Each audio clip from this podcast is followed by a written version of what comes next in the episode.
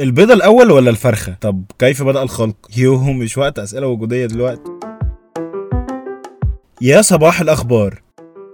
مفيش أكتر من الجدليات في حياتنا بس إنها توصل لشاي بلبن ده اللي غريب بقى. إمبارح انتشر بوستات على ال social media عن دراسة جديدة كده من جامعة لوبورو للدكتور أندرو ستابلي اللي أفنى حياته في دراسة الشاي بلبن. وأخيرا قال لنا بقى إن اللبن هو اللي المفروض يتحط الأول وبعدين نصب عليه الشاي مش العكس. يا سلام العلم اتطور والله والدراسات شكلها اتغير خالص عن زمان.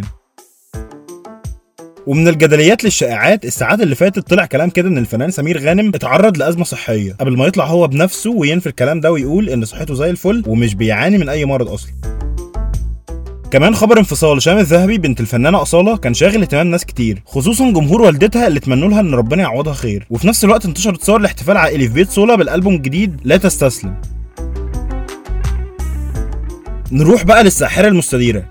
لسه الكلام عن مدرب الزمالك مخلصش وجمهور النادي الأبيض مستني الخبر على نار وشكلها كده هتكون مفاجأة جامدة جدا. بس يا خبر بفلوس. فييرا بقى ولا كارينيو ولا مين بالظبط؟ المفروض إن كمان كام ساعة هنعرف. كمان أزمة الزمالك والشناوي كانت عاملة شوية قلبان كده الساعات اللي فاتت على ال social media. بعد ما لجنة التظلمات حطت عليه غرامة 8 مليون جنيه لصالح نادي الزمالك. وحارس بيراميدز دلوقتي بين نارين إما إنه يدفع الغرامة أو يتوقف لأجل غير مسمى. وفي ال Premier League جمهور ليفربول كان بيحتفل بساديو ماني امبارح بعد الماتش العالمي اللي عمله مع ال Reds قدام تشيلسي. وخلص الماتش بفوز مستحق بصاروخين ما لهمش رد. وفي الليجا شفنا امبارح بداية مش قوية لريال مدريد قدام ريال سوسيداد وفي الآخر الماتش خلص بالتعادل السلبي 0 0 وده مزعل جمهور الملكي جدا لكنهم برضو بيقولوا إنهم ما فقدوش الأمل وإنهم سيظلوا أوفياء بقى وبتاع. وفي الدوري الإيطالي اليوفي عمل ماتش حلو جدا قدام سامبدوريا. وخلص الماتش بفوز كبير 3 0 للسيدة العجوز. وكان الختام بجون رونالدو الصاروخي في آخر 10 دقائق في الماتش علشان يثبت إنه لسه هنا. ده غير المحاولات الكتير اللي كان عملها بس ما جابتش نتيجة.